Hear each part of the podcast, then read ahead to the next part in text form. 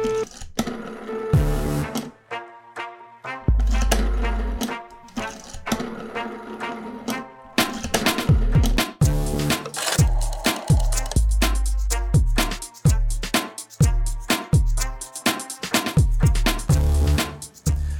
Dan, dobrodošli u još jedan podcast. Kao i svakog početka, tako i na ovom. Broj telefona na koji možete postaviti vaše pitanje 069-893-0023. To je Viber broj, dakle šaljite poruke sa vašim pitanjima, nedoumicama, problemima. Ja ću pokušati da dođem do odgovora od zvaničnih institucija koje su u suštini dužne da svima nama odgovaraju na građanska pitanja.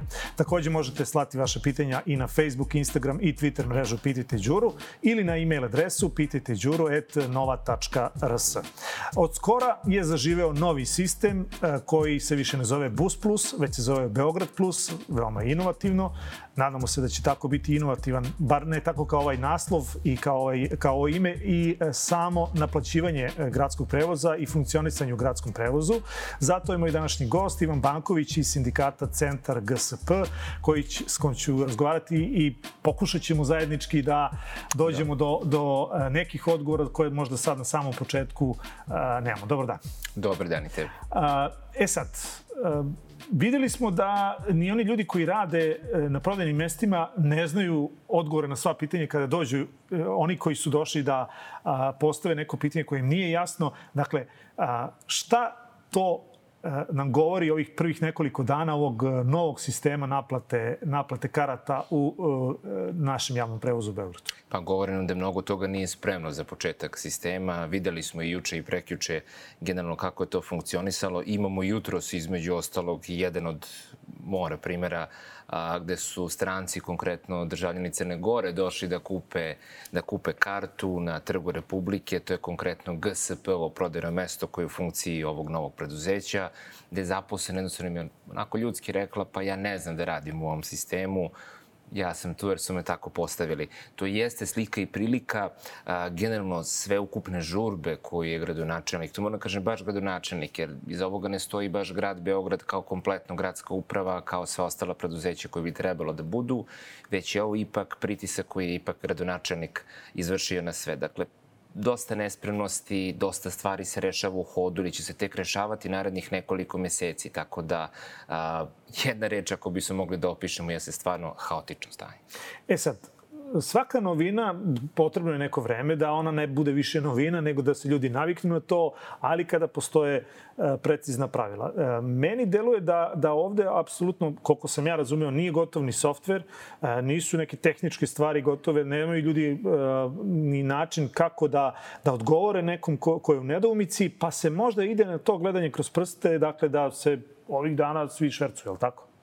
Pa, hajde, ne bih rekao da se svi švercuju. Mm -hmm. Evo, između ostalog, znam mnoge koji su ipak više iz radoznalosti poslali tu famoznu SMS Ne u smislu poruku. korisnika, nego u smislu ovih koji kontrolišu.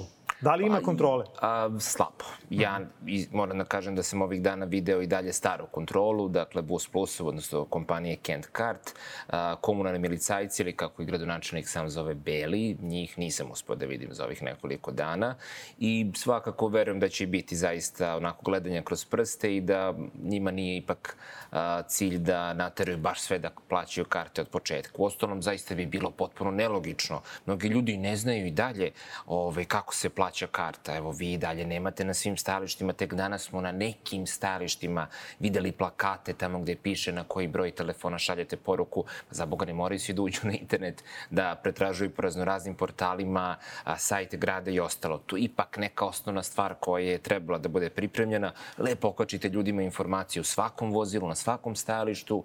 Dakle, uhodate ljude, obavestite ih na vreme, a ne prvo nešto uradite, a onda, pa čekajte, mi ćemo vas uspod da obavestiti koristimo. Ali upravo tako i deluje. Dakle, upravo Jeste. E, deluje da, da odgovor na pitanje, kogod ga postavio, da li je to korisnik ili novinar na konferenciji gde e, gradonačelnik odgovara na, na pitanja, je u tom momentu šta mu padne na pamet. Pa ako Aha. dobro ja parafraziram, e, bilo je pitanje ko sme da vam uzme vaš mobilni telefon i da proveri, dakle, koje su sad ovlašćenja tih belih. Hoćemo li mi doći u situaciju da plavi napadnu bele ili, mislim, ko će tu koga da brani? Pa dobro, bilo bi što se kaže, ovaj, bilo bi smešno zapravo da nije tužno.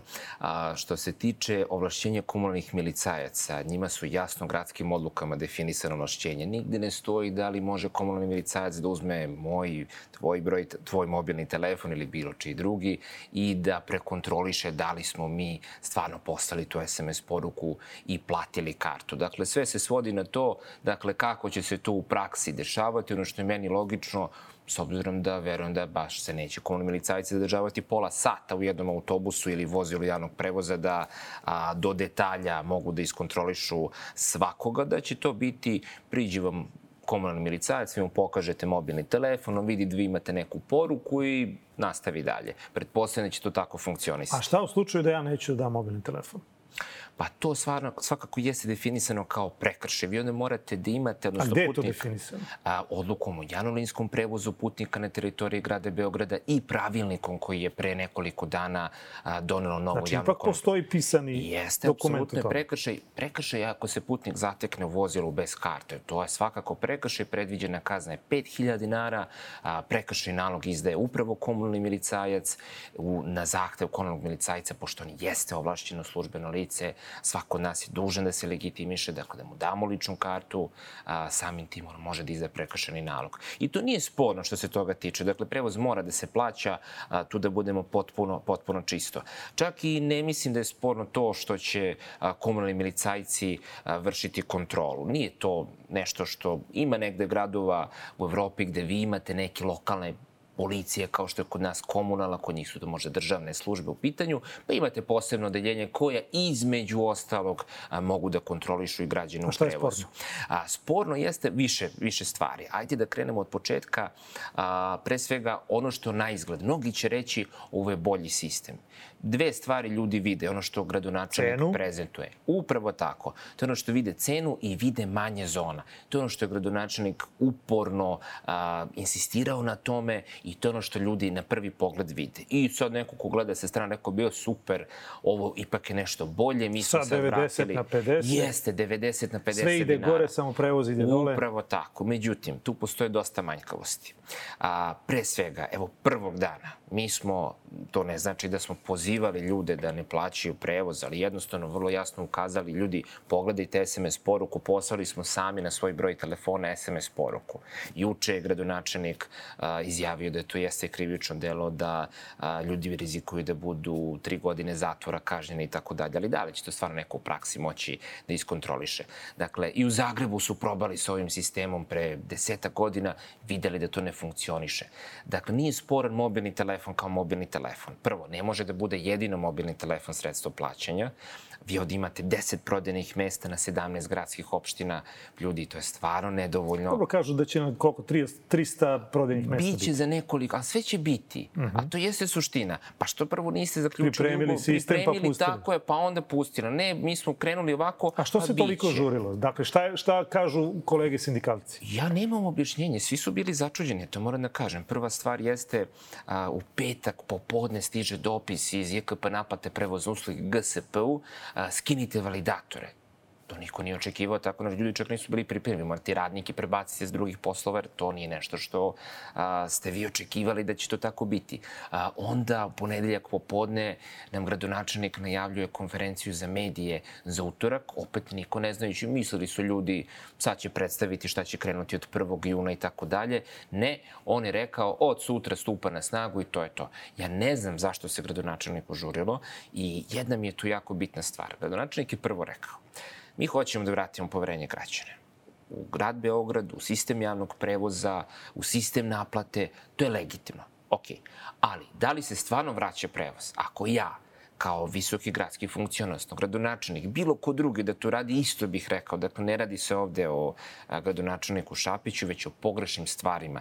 Zašto trčimo pred rudu? Zašto menjamo stvari preko noći? Zašto zbunjujemo dodatno ljude? Unosimo nemir, zbunjujemo ljude. Sad je jedna informacija validna, sutra je druga, preko sutra kaže nisam to rekao.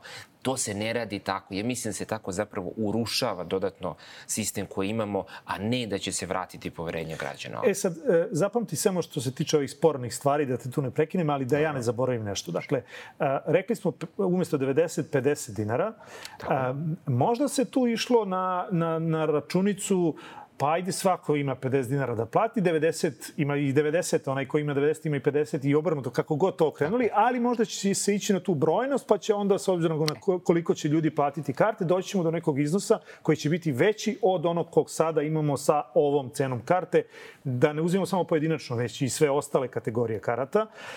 Da li je to nešto što ima matematičku jednačinu ili je to čist populizam? To je pitanje odlično i potpuno na mesto što bi svako razuman postavio. Prvo, mi od gradonačelnika nismo čuli ni jedan jedini put koliki su nam očekivani prihodi po ovom sistemu. Mi sada imamo negde oko 500 miliona dinara mesečno prihod od prodaje karata. To dođe oko 5 milijardi gore-dole godišnje. Gradonačelnik nije rekao, hoću da povećam za 20% prihode, za 5%, za 7%. Samim tim, ja stvarno ne mogu napome da kažem, niti bilo ko može napome da kaže, da li ćemo imati više novca ili manje novca. Šta to znači onda za ljude? Pa, kao što kaže, noćni prevoz je besplatan. Nije ljudi besplatan, neko to mora da plati. Mi moramo iz džepa da platimo, ako nismo kroz kartu, platit ćemo kroz budžet. Tako i ovde. Ako mi smanjimo cenu karte, ok, ajde da vidimo da li, kako će tu računicu izazvati, da vidimo kako će to posledice po grad izazvati. To nemamo, niko se time nije bavio. To mi govori da stvarno od gradonačelnika imao struku iza sebe. A koje su, koje su uh, stvari koje su kao e, nešto što bi moglo da se kaže da pije vodu za, za besplatan noćni prevoz. Dakle, koje su argumenti za tako nešto? Ja ih nisam čuo. Čuo sam jedino kada je gradonačelnik rekao Uh, pa eto, ljudi da ne sedaju posle noćnog provoda, da ne sedaju za Pijani volan. za volan. Upravo tako, upravo tako. Međutim, to smatram stvarno pogrešno. Mi smo sad imali 150 i 200 dinara cenom karte, po mom mišljenju koja je bila apsolutno uh, prihvatljiva. Šta smo tu mogli da uradimo? I tu bih voleo da vidim da se malo time pozabavili. Ljudi koji rade treću smenu, koji ne idu baš u provod, mi možemo da odemo sada da se zadržimo u gradu do 1, 2, pa idemo noćnim prevozom, to je okej. Okay. Ali ljudi koji moraju da koriste taj noćni prevoz, možda je trebalo da mislimo na tu kategoriju ljudi, da nađemo način da im uz njihovu mesečnu za dnevni, uz neku sitnu doplatu damo da oni plaćaju možda 200, 300, 500 dinara, koliko god, ali mora se napravi neka stvarno studija, analiza, ne može to meni pade na pamet, lepo mi zvuči broj i ajmo sutra da to sprovedemo. Tako da, suštinski ja ne znam zašto je noćni prevoz besplatan. Još da se vratim na brojke, um, koliko smo do sada imali kontrolora Bus Plus? Imali smo negde oko 250 kontrolora Bus Plus. Što znači da će na njihova mesta da dođu komunalni milicioneri, tako? Tako je, mi imamo oko 400 komunalnih milicionera koji se bave raznoraznim stvarima. Znači, to neće biti posebne komunalni milicajci. Upravo zbog toga i pitam.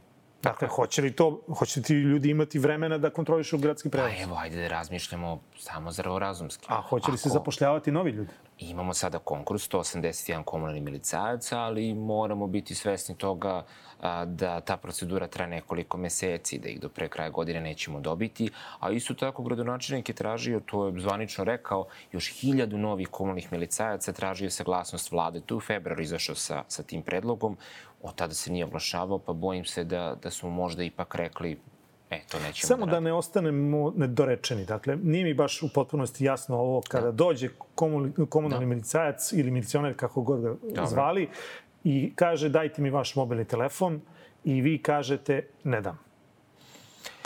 A, ne bi, opet kažem, to nije definisano propisima. Dakle, nemamo definisano da je putnik dužan da ustupi mobilni telefon komunalnom licajcu radi provere. Dakle, on je dužan da mu pokaže kartu. Karta se nalazi na displeju mog telefona kada uđem u samu, same SMS poruke, u samu aplikaciju, odnosno SMS poruke telefona. Dakle, dovoljno vizualnim putem da pregleda, ja mogu da mu približim iz moje ruke taj telefon i dovoljno je onda pogleda i da vidi dakle, da se poklapaju datum, da se poklapa odgovarajuća zona i da je karta važeća. To, moram da kažem, jeste primitivan sistem. Dakle, vi ne možete da znate znate kada je koji putnik ušao u vozilo. Kad imamo papirnu kartu, to je isto jedan od, jedan od stvari koje smo ovih dana testirali. Naš, znate, od kada važi papirna karta? Od momenta kada je kupim na prodajno mesto. Evo, Knez Mihajlovi Moramo smo da išli. trčim. Mo, upravo tako. Moramo Znači, ja trčim. izgubim 20 minuta dok dođem do svog autobusa, recimo. I ako dođe autobus oko tih 20, znači dođem do stajalište, pa dok mi dođe najđe vozilo, dakle izgubim vreme. Pritom u Knez Mihajlovoj obišli smo i to A dobro, prodajno ajde, mesto. to je rekao, biće 300 prodajnih mesta, pa da ga sačekamo ovaj, da... Ali opet sve biće, biće, Biće, biće, biće. jednog dana, biće, biće i aplikacija, Dobro. biće i ovo, sve će biti. Kad je gradonačelnik dolazio na mesto gradonačelnika, to jest pre nego što je došao, sećam se, on je rekao da bi trebalo uh, vratiti gradski prevoz u, građane, u ruke građana Beograda. A, da li se ovim vraća gradski prevoz u ruke Beograđana? Samo na izgled. Ako bismo slušali ono što nam se servira, grad Beograd je sada preuze apsolutno sve i tu nema nekog tamo a, zlog privatnika koji će nama, tako je parafrazirano ono što je gradonačelnik govorio sve ovo vreme. Pričamo o Bus Plusu, da Pričamo ili Apexu, Plusu, ili kako se vidjelo. Kent Card, Kent Card. kompanije između ostalo koje je u pitanju. Međutim, mi ovdje imamo privatne firme koje će raditi. Prvo imamo kompaniju Comtrade. Da se razumemo, kompanija Comtrade ima apsolutno višegodišnje iskustvo u ovim stvarima što se tiče SMS naplate. Dakle, profesionalna kompanija koja između ostalog Znači, ona će raditi softver. Ne, on neće raditi softver. Ko On će radi raditi SMS naplatu. Znači, SMS poruka ide sve preko Comtrade-a i oni imaju dalje ugovor sa mobilnim operatorima. Sada smo dobili najnoviju informaciju da će softver raditi Telekom Srbija. Dakle, državna kompanija. Telekom Srbija, evo sad... Je ona sposobna za to? Evo, upravo, ja, ovo je moje mišljenje kao građanina. Da je Telekom Srbija sposobna da samostalno to radi, ja verujem da bi Telekom osnovao svoj sektor, ogranak firme i izrađivali bi milione samo na tome. Mm -hmm. Ono što mi iskustvo govori jeste da će ipak Telekom biti taj koji će angažovati neke druge privatne firme koji će raditi za Telekom. Dakle, grad kaže, gradonačelnik Evo kaže... opet lepih tendera. Upravo tako. Ili možda i bez tendera. Oni su akcionarsko društvo, pa videli smo sami prosto da Telekom angažuje mnoge firme bez ikakvog tendera. Dakle, grad ima pokriće, kaže, angažovali smo državnu firmu, a državna firma onda angažuje dve, tri, pet drugih firmi koji će raditi to isto. Jer, znate kako, nije problem vi da nađete uh, softver za praćenje nekog vozila. To možemo mi sad u automobil dodamo za 5 minuta da ugradimo i 10. Nije to sporno. Ali sve one stvari koji se pohranjuju kao podaci, koliko je vozilo prešlo kilometra, gde se zaustavio, koja je prosečna brzina, da ne gnjevim ljude, mnogo je parametara a, koji su jako bitni da biste vi sutra mogli a, da donesete bilo kakvu odluku. Pomeramo ovaj polazak, uvodimo onaj polazak, ukidamo onaj polazak, ovde pojačavamo, ovde ćemo smanjiti broj vozila. Dakle, to ne može bilo ko da dođe i da se preko noći pojavi da pruži. Taj softver koji je rađen, postoji u 44 grada koji je Kent Cart nama, nama pruža uslugu. Međutim, on je ipak prilagođen konkretnim potrebama grada Beograda. Dakle, sve ono što su stručnjaci videli, aha, ovo nam nedostaje, treba nam ovaj modul, treba nam onaj modul. Dakle, prosto a, sam softver ne može da se uradi preko noći, da neko dođe i kaže, e, hoću od 1. juna. Ne može. Minimum nekoliko meseci treba. Znači, validatori onakvi kakvi, su bili, to više neće postojati. tu neće postojati. Ili će oni ostati dalje u vozilima. Vidim, kod GSP-a je u 90% vozila trenutno uklonjeno, kod privatnih prevoznika su i dalje tu. Kad smo kod onog nabrajanja sada se vratimo, dakle, št- koje su još manjkavosti? A, manjkavosti samog sistema jesu, opet se vraćamo na, i na broj prodajnih mesta, vraćamo se pre svega na suštinu da je SMS poruka glavni način plaćanja karte. Mi smo do sada imali više mogućnosti da kupim kartu kod vozača, da kupim kartu na trafici, da kupim kartu putem mobilne aplikacije. Dakle, da kupim uh, i dnevnu i vremensku i ovakvu i onakvu kako god ja želim. Nepersonalizovanu, pa je dopunim kad ja hoću. Šta to znači? Da nećemo moći više kod vozača da kupimo Ne, kartu za od keš? vozača nema više prodaja karata, upravo tako. To je, dakle, stupanje na snagu ovog sistema, to se obustavilo, dakle, vozači više ne prodaju karte.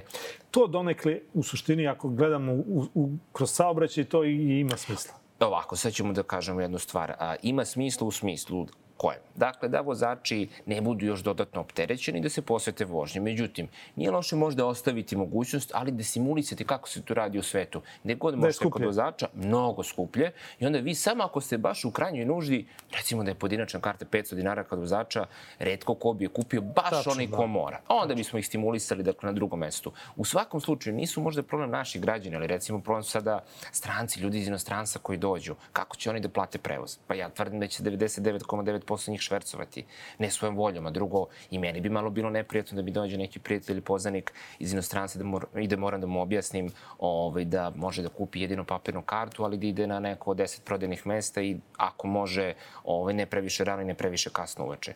Prosto to tako funkcioniše. E, o, ti dolaziš iz sindikata GSP, ali e, š, š, kako će se u ovu priču uklopiti privatnici? privatni prevoznici? A, što se tiče privatnih prevoznika, a, sada da odvojimo na stranu sistem za naplatu, tarife, zone, to je jedna strana medalje. Druga, vrlo značajna i za struku vrlo značajnija strana medalje jeste praćenje nadzor svih prevoznika, svakog vozila. A mi u sistemu sad imamo veliki broj privatnih prevoznika, dakle ne prevozi na samo GSP kao gradski prevoznik. Svaki prevoznik, pa i privatnik, je plaćen po broju pređenog kilometra. Do sada. Grad izvuče iz postojećeg sistema, vidimo prešao je toliko i toliko, na toj i toj liniji plaćamo ga naspram učinka.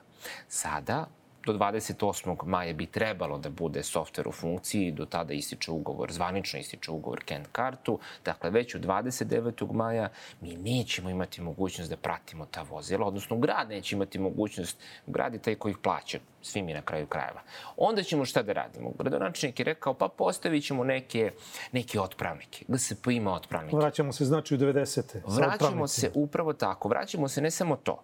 A, mi nemamo dovoljno otpravnika. Onda ćemo opet imati situaciju da na grupi linija, na jednom broju linija, imamo otpravnike, na drugoj da nemamo. Dakle, i gradonačelnik, i to je jedno od pitanja novinara, vrlo sam pažljivo slušao konferenciju, vrlo uljudno bilo pitanje novinara politike koji je rekao, ali mi nemamo gradonačelnici, znamo da nemamo, odgovor je bio, a šta se vi brinete oko toga? Šta se vi baš zabrinete oko toga?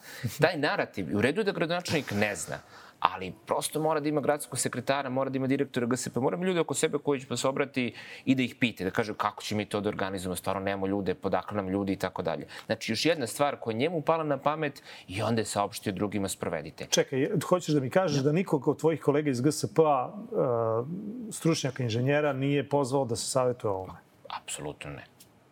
GSP inače dugi niz godina za malo šta se pita Ovaj, to je, nažalost, tako stanje, ali bojim se ni sekretarijat za javni prevoz. Nije pitan. Ovaj, tako je, nije pitan, pa imamo ostavku gradskog sekretara.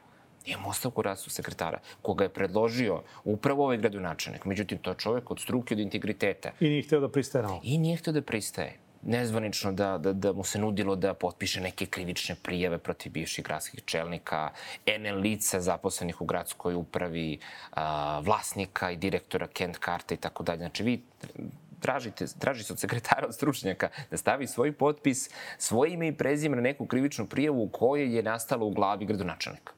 Ajde, sada pređemo na ovu drugu stranu. Dakle, vidjet ćemo kako će ta naplata funkcionisati, da odmah ne kritikujemo u potpunosti sve, daj da ih pustimo bar 15 dana ili, ili mesec dana. Nije sporno, pustit ćemo mi njih koliko god treba, ali ovo su stvari hitno pitanje koje mora da se reši jeste SMS poruke. Dakle, ovde će biti zloupotreba i to je zaista apel A šta, šta kažu vozači na, evo, na ovih nekoliko dana? Dakle, na šta se oni sad žale? Je li imaju ne, neki oni problem? Pa, vozači jedino što imaju problem jeste što ih putnici sada tek pitaju, ljudi su u neznanju. I onda oni vide vozača, Oni on ne zna. kome, a ni vozač ne zna na kraju krajeva ni njegov posao, on ima zaista dosta drugih da, obaveza. Upravo tako. I onda prosto ljudi sa terena mi kažu, deset njih me minimum danas pita kako, a zašto, a kako će ovako, kako će onako. Ljudi kažu, pa ne znam, nija, prosto to je neki ljudski odgovor. Dakle, ovo se previše ne dotiče vozača kao vozača. Ne rade svoj posao, rade onako kako im se kaže. A, možda će se ticati ako se bude menjao način a, prosto kako ih kontrolišemo, u smislu kako pratimo ta vozila. Imali smo u 7. aprila a, predlog da svaki vozač zaduži po smart telefon i da će mi tako pratiti vozila. Hvala Bogu, toga se odustalo, neko im je rekao, a ipak stvarno to nigde ne postoji u svetu, neko se malo zaigrao, ali smo imali zvanično, znači u Skupštini grada je bio predlog te odluke da se da 50 miliona dinara plus PDV da se kupe smart telefon pa mislim, stvarno da zamislimo svakog vozača, da mu se ne isprazni baterija, da nosi od kuće smart telefon, ljudi moji, stvarno to je smešno, ali jednostavno tako se ovde odlučuje. Ljudi građani prosto misle da se o tome stvarno nešto neko pita, zapravo ne. Mi dobijemo informaciju, radite tako i tako, pa su nahvatite za glavu. Ne mogu da se ne smejem, prosto kad Znam. slušam ovo, Znam. ali ajde da uh, pređemo sad na sledeće brojke. Dakle, koliko sada trenutno ima vozila gradskog saobraćajnog preduzeća, koliko privatnih prevoznika. Samo, dakle, brojka. Evo, grubo rečeno, GSP ima negde oko 900 vozila u radu, pritom autobusi, trolejbusi, tramvaji. Dobro. Što se tiče privatnih prevoznika, oni imaju negde između 400-450 vozila i tu imamo takođe lokalne linije, Lastu imamo koje radi lokalne linije u Mladenovcu, u Brenovcu, u Sopotu i tako dalje i tako dalje. Koliko je optimalan broj? Sve ukupno kada saberemo, znači sve ono što, što je u sistemu je negde oko 1000 i po vozila. Dobro. Sve ukupno. Je to dovoljno? Zavisi. Znači, mi moramo, opet se vraćamo na to da moramo imamo podatke na osnovu koji ćemo reći jeste dovoljno, nije dovoljno. A, preraspodela kapaciteta je nešto što mora da postoji. Svi imamo mogućnost da vidimo u nekim autobusima su poluprazni ili možda čak i prazni da se voze. Nije ih puno, slažem se, ali ima i takvih linija. A sa druge strane imamo vozila gde ne možete da uđete. A drug, isto tako ono što mi imamo problem sa vozačima, imamo problem sa vozilima. Dakle, a, nije poente priča ono što grad radi u redu vožnje se ubace neki polaci, na papiru se kaže mi smo malo pojačali, vidite koliko imate sad polazaka, a mi unapred znamo da to vozilo neće se pojaviti jer niti ima ko da ga vozi, niti ima dovoljno ispravnih vozila. Tako da svakako je stvar za analizu. Grubo rečeno, nemamo dovoljno vozila, to je grubo rečeno, nemamo dovoljno vozila u rezervi. To je ono što je pojente priče. Moramo imati bar 10% minimum minimuma. Ovo kad pričamo, pričamo o GSP. Pričamo i o GSP i o privatnim prevoznicima. Aha. I privatni prevoznici imaju slične Ništa probleme. Bolje. I oni imaju isto problema sa nedostatkom vozača u nešto manjoj meri nego GSP, ali bojim se da je tu neki drugi problem. Kod njih se radi preko vremeno, suprotno zakonu. Mnogi angažuju vozače po 10-12 sati dnevno. GSP to ne radi, to moram da kažem. Ali u GSP imate da vozač radi 6 dana u nedelji, da mu je to redovna, redovan raspored rada da ima samo jedan dan odmora, pa baš da se odmori od volana. Evo, taj šesti dan preko vremeni rad ili kako se to računa? A nije preko vremeni rad, nego se vodi kao preraspodela radnog vremena, pa on zaduži neke sate, pa možda će nekad moći da ih iskoristi kad mu bude trebalo. Jedino što je sad uvedeno jeste neki bonus na platu, nekih 5%, pa ko radi jednu subotu, odnosno šesti dan jedan put, dobije 3%, ko radi dva i tako dalje, ali to je sve... Dosta se pričalo o vozačima, o nedostatku uh, ljudi koji bi vozili gradske, vozile gradskog prevoza. A, koliki je raspon plata vozača GSP? Ajde da isto to, ljudi misle da vozači imaju, ja mislim, par stotine hiljada dinara. Bilo bi lepo da je tako, nije tako. Moramo da razumemo šta je osnovica zarade. Osnovica zarade vozača je između 50 i nešto, da kažemo, oko 60 hiljada dinara. To je osnovica vozača. Sve drugo, on može kroz prekovremeni rad, noćni rad, rad na dane državnog praznika, on može da sebi ove i bonuse koje ima, između ostalo, ko nema saobraću, nezgodu tog meseca, ko nima oštećenje vozila, on će dobiti bonus na platu. Oni mogu da izađu od 80 do 100 hiljada dinara, to je neka realna računica, ali to nije da je radio radno vreme 8 sati, 5 dana u nedelji, od 7 do 3 ili od 6 do 2. Znači, onaj ko je vozio 8 sati, 5 dana u nedelji, taj ima platu 60.000 dinara. Taj će imati platu, tako je, oko 60.000 dinara. Onaj ko je radio više, dakle... Pa je to normalno? Ko će danas u današnje vreme u ovakvom saobraćaju u Beogradu da uzme volan u ruke i da ima toliko odgovorno za, za 500 evra? Nije normalno. Ja ne mogu da kažem da nije bilo nekih povećanja. Znači, tu moramo biti korektni. Postoje povećanja i nekako sve to ide dosta sporo i dosta pregovora, dosta razmatranja i tako dalje. A suština jeste upravo plata. Tvrdim da imamo zaista ozbiljne dobre plate, to nosi u sobom i ozbiljnu odgovornost, da se razumemo. Dakle, vozač mora da bude i tekako odgovoran i jeste već sada odgovoran i tu nema šta.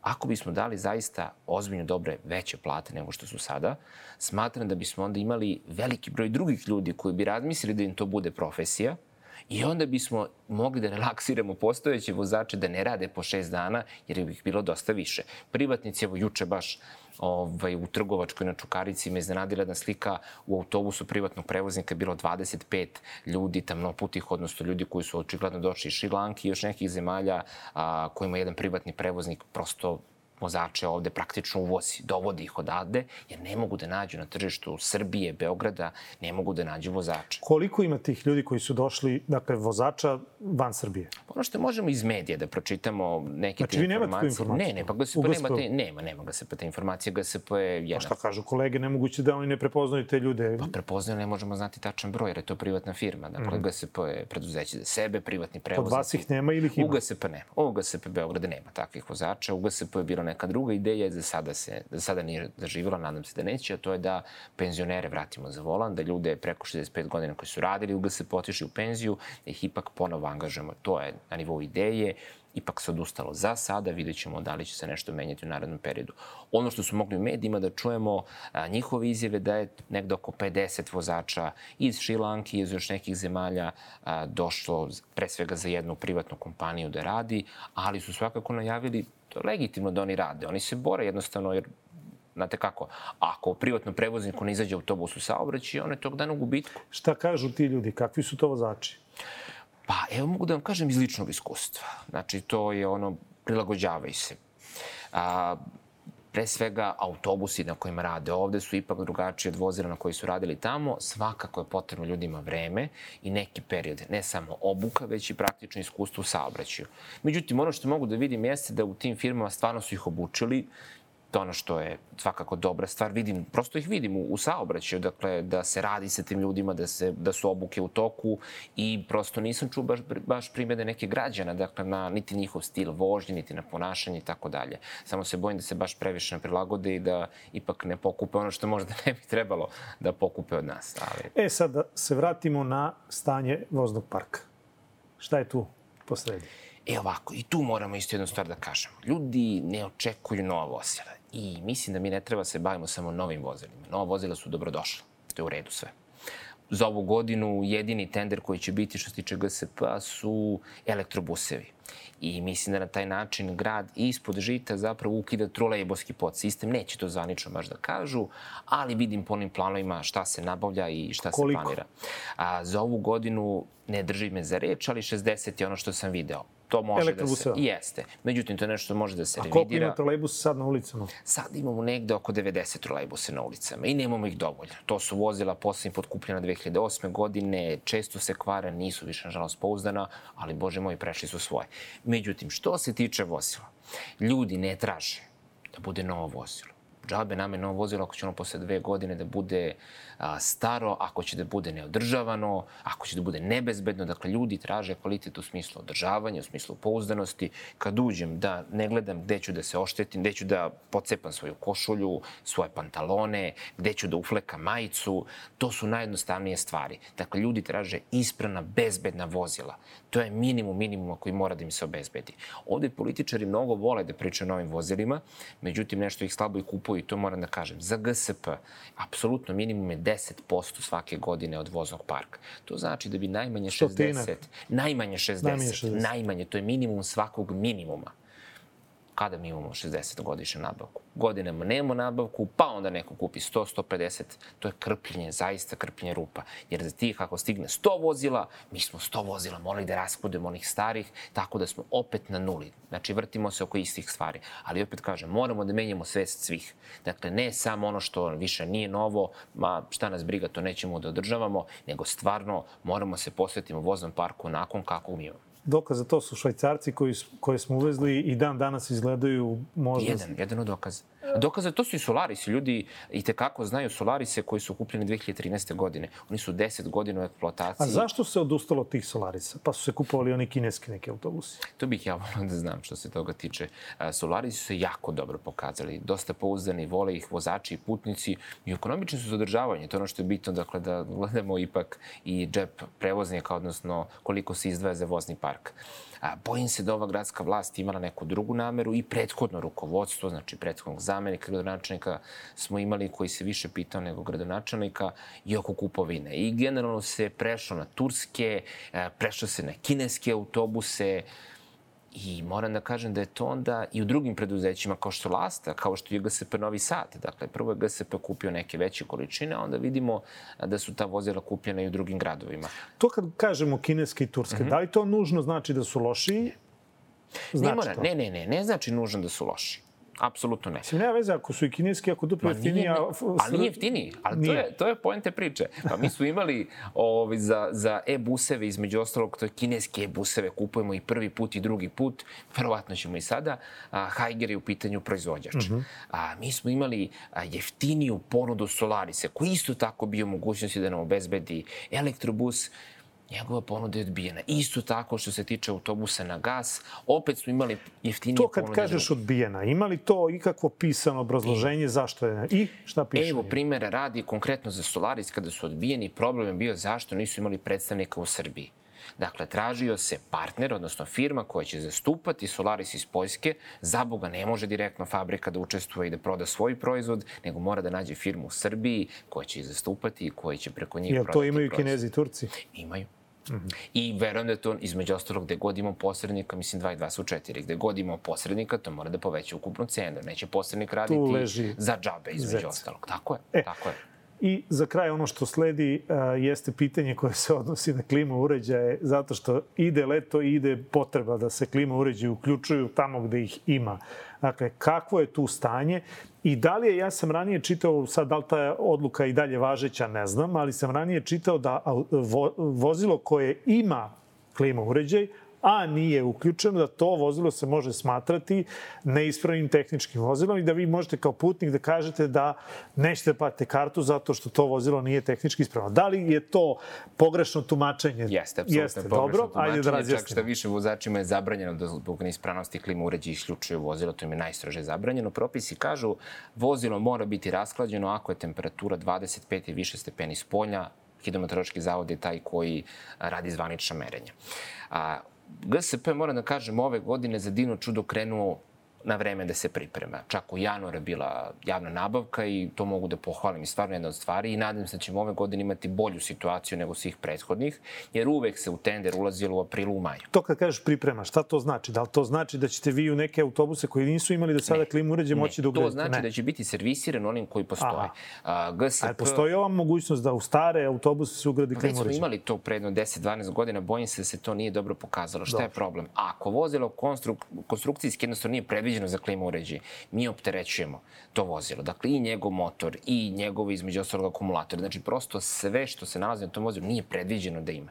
Imali su mi u Japance ugrađeno, međutim, to je nestano prošlo. O kom broju vozila govorimo u odnosu na, na ovu brojku koju smo rekli? E ovako, Bar što, što se, GSP tiče. Što se tiče GSP, ja verujem da preko 500 vozila a, ima klima uređaje i sada ukoliko njih će raditi, vidjet ćemo, to moramo svi zajedno sačekati. A kod privatnih prevoznika sva vozila imaju klima uređaje, kod privatnika je što oni namerno neće da ih uključuju, a što se toga tiče je šta tu, Šta tu putnik može? Putnik tu može ne da može ih, more, može e, da zove belog. Pa, nažalost, ne. To je jedna od stvari, između ostalo, bilo bi logično. Mi se smemo tome, ali to je bilo logično. Mislim da bi ja uradio. Ima, upravo tako, da Bel ima, odnosno komunalni milicajac, da ima ovlašćenje da kontroliše putnike, ali da ima ovlašćenje da kontroliše javni prevoz u smislu vozila, da li je čisto, da li je uredno, da li je krenulo na vreme, što ne bismo dali to ovlašćenje, ne ovlašćeno službeno lice.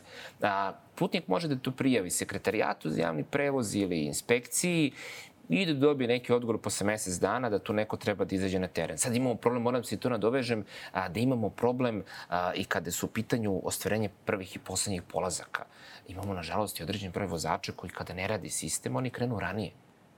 Vi ste do sada mogli, vidite u sistem, za dva minuta izvučiti podatke, odmah vidite da li on krenuo ranije ili nije. Sada ne možemo, sada mora neko da dođe tamo, da ga uoči i tako dalje. E, sad mi pada problem. jedno pitanje na pamet, kad to pominješ da. uh, oko da li je polazak, nije polazak, da. jer sad ovaj sistem SMS-a da vidim kad stiže autobus, ili to sad funkcioniše sa ovim gašenjem ne, Kent Carter? Ne, to ne funkcioniše, jedna stvari koji putnici gube. Ne vozi se gradskim prevozom, pa zato možda delujem nema, kao neko ko... Nema, nema, putnici gube tu mogućnost i gradonačelnik vam kaže, evo ja se vozim gradskim prevozom, ostalom, dakle... A možda će novi softver imati to? Pa hoće jednog dana, rekao je za mesec, dva, posle toga rekao, nemojte ipak da me držite za reč, nisam obećao da, da će biti. To na istoj konferenciji izjavi čovek, znači mesec i po dva, opet jedna od stvari dakle, koju putnici gube, ja verujem da će jednog dana da ćemo dobiti, ali to može da bude i za pet meseci, Nama treba to danas. To je nešto na što smo se navikli. Nije tu nikakav više luksuzna stvar. Sada, bože moj, možemo da imamo na aplikaciji kad mi ne ilazi vozilo, da planiram na kraju krajeva. Ako ne ide ta linija koju čekam, da li mogu da presedem na drugu pa da se vratim? S obzirom da privatnike ne možete više da kontrolišete,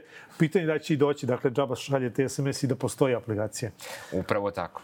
Uh, Ivane, hvala ti puno na, na izdvojeno vremenu i na ovim odgovorima. Nadam se da će se situacija popraviti u neko, neko najbrže moguće vreme, a svakako pratimo pa onda E, vidit ćemo se i sledećeg puta, nadam se, sa nekim boljim, boljim vestima i da će ja ovaj sistem iskreno, zaživeti i da zaista bude vraćen Beograđanima i da funkcioniše ja kako je gradonačelnik običao. Ja se iskreno nadam da će ljudi, pre svega, dakle, nije neka velika filozofija, da ljudi očekuju pristojan prevoz. Dakle, ne traže mi ne znam kakav luksuz, ne traže ljudi ne znam ja šta, samo da imaju pristojan, pouzdan prevoz i eto, nadam se da ćemo dočekati taj dan da to bude zaista tako. Hvala još jednom. Hvala. E, moj današnji gost je bio Ivan Banković iz sindikata e, GSP Centar ili Centar GSP, kako god.